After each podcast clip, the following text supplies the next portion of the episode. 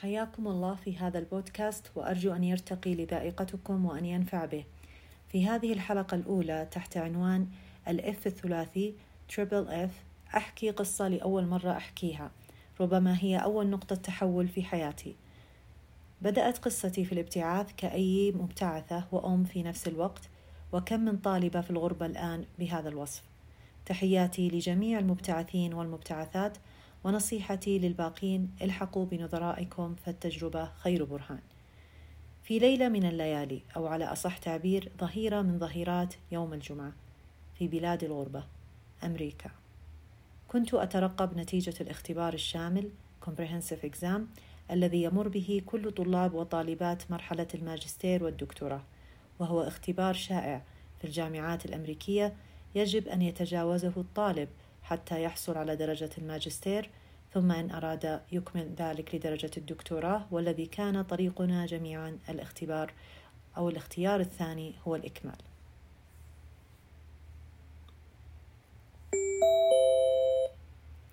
تلقيت الإيميل الذي بعثرني وعصف بكل شيء يخصني في لحظتها فتحته وأتذكر أنني أضع أصابعي على الشاشة حتى لا أصعق من النتيجة سواء إيجابية أو سلبية وحتى آخذها على مراحل وبهداوة على قلبي. بدأت أزيل إصبعا إصبع حتى لم أرى سطورا كثيرة. فقط سطر فيما معناه تجدين النتيجة مرفقة في الملف المحمل. فتحت الملف الذي فتح دهاليز في عقلي. شاهدت النتيجة كلها حرف واحد مكرر. ثلاث مرات في كل سطر. F F F. بعدها فتحت عيناي جيدا كي أستوعب ما أرى. ما معنى F وما الذي يقصدونه؟ ربما ليست نتيجتي. ربما ليس إيميلي. ربما وربما. وأقرأ معنى F في أسفل النتيجة حيث تظهر معنى الرموز للتقديرات لكن لم أستوعب. ذهبت للعم جوجل. أبحث لأستشيره. لعله يظهر لي معنى آخر مختبئا عن حرف ال F تذكرت نفسي في الاختبار الشامل وقد عبأت الورقة من الجلدة للجلدة. أظهرت وأظهرت جميع مهاراتي الكتابية والفلسفية في صياغة الإجابات. فلماذا هذا ال F البائس يبئسني في إيميلي وحاضرا في ورقة اسمي؟ بعد لحظات من الفزع فكرت بأن أرسل للدكتور المسؤول عنا إيميل آخر أستفسر عن مدى إمكانية قدومي لمكتبه لأرى ورقتي بعيني وأرى ما اقترفته. عقلي رافض تماما. أول مرة في حياتي الأكاديمية كلها أحصل على هذه النتيجة. من طبع التفوق المستمر فهذا الإف ليس صحيح في ورقتي وضيف ثقيل وغير محبب.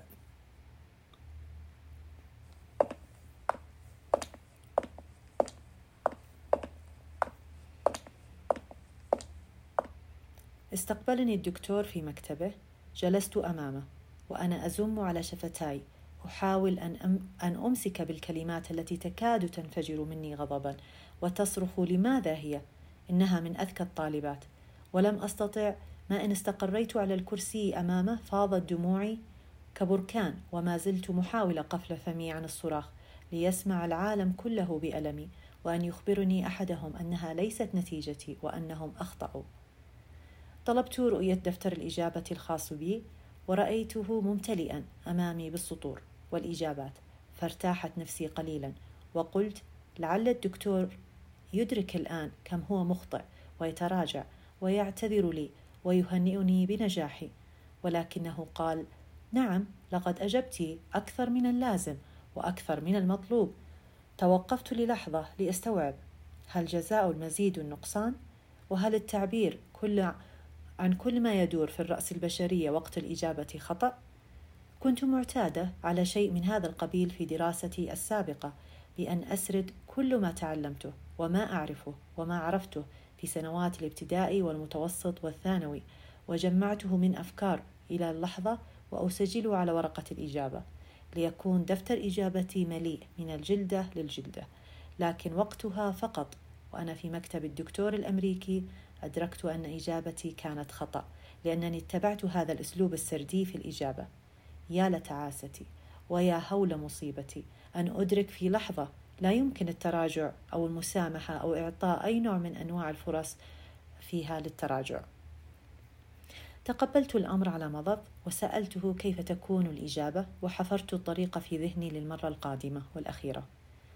عزمت بعدها على الاعتكاف الأكاديمي ليلا ونهارا كنت حرفيا أشرب الكتاب وآكله وألاعبه وأقضي معه جل وقتي. كلما تذكرت أنه إنها فرصتي الأخيرة في النجاة كلما تشبثت بالكتاب أكثر وعكفت على وقت الدراسة أكثر. آه، خلالها مرت بي أوقات عصيبة. لإبلاغ الأهل والأصدقاء بأنني نجحت والحمد لله. والحقيقة غير ذلك. كنت أستقبل التهاني منهم ودموعي صامتة تحرقني. اتكلت على الله وعزمت على النجاح والإجابة بالشكل الصحيح المطلوب لا أكثر ولا أقل. فهذه هي إما الحياة أو الموت بالنسبة لي. وكانت فكرة عودتي خائبة لأرض الوطن هي موتي لا محالة. ما كنت سأتقبل هذه الهزيمة. لذلك كانت جدا سنة صعبة لأن الاختبار يعقد مرة كل سنة.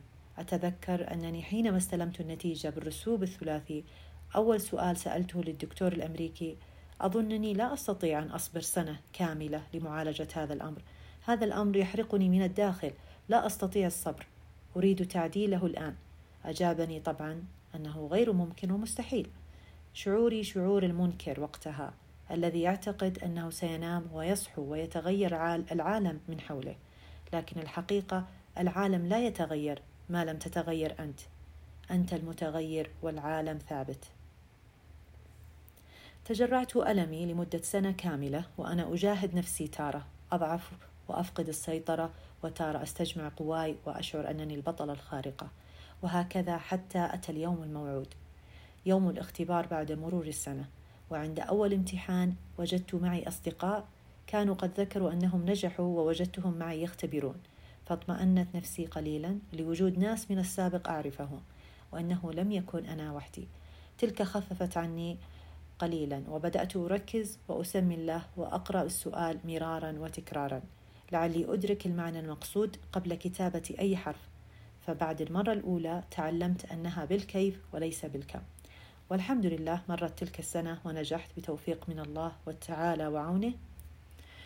آه، الدرس المستفاد من القصة في نهاية البودكاست ليس من السهل حكاية لحظة ضعف أو انكسار وكشفها للعالم كله.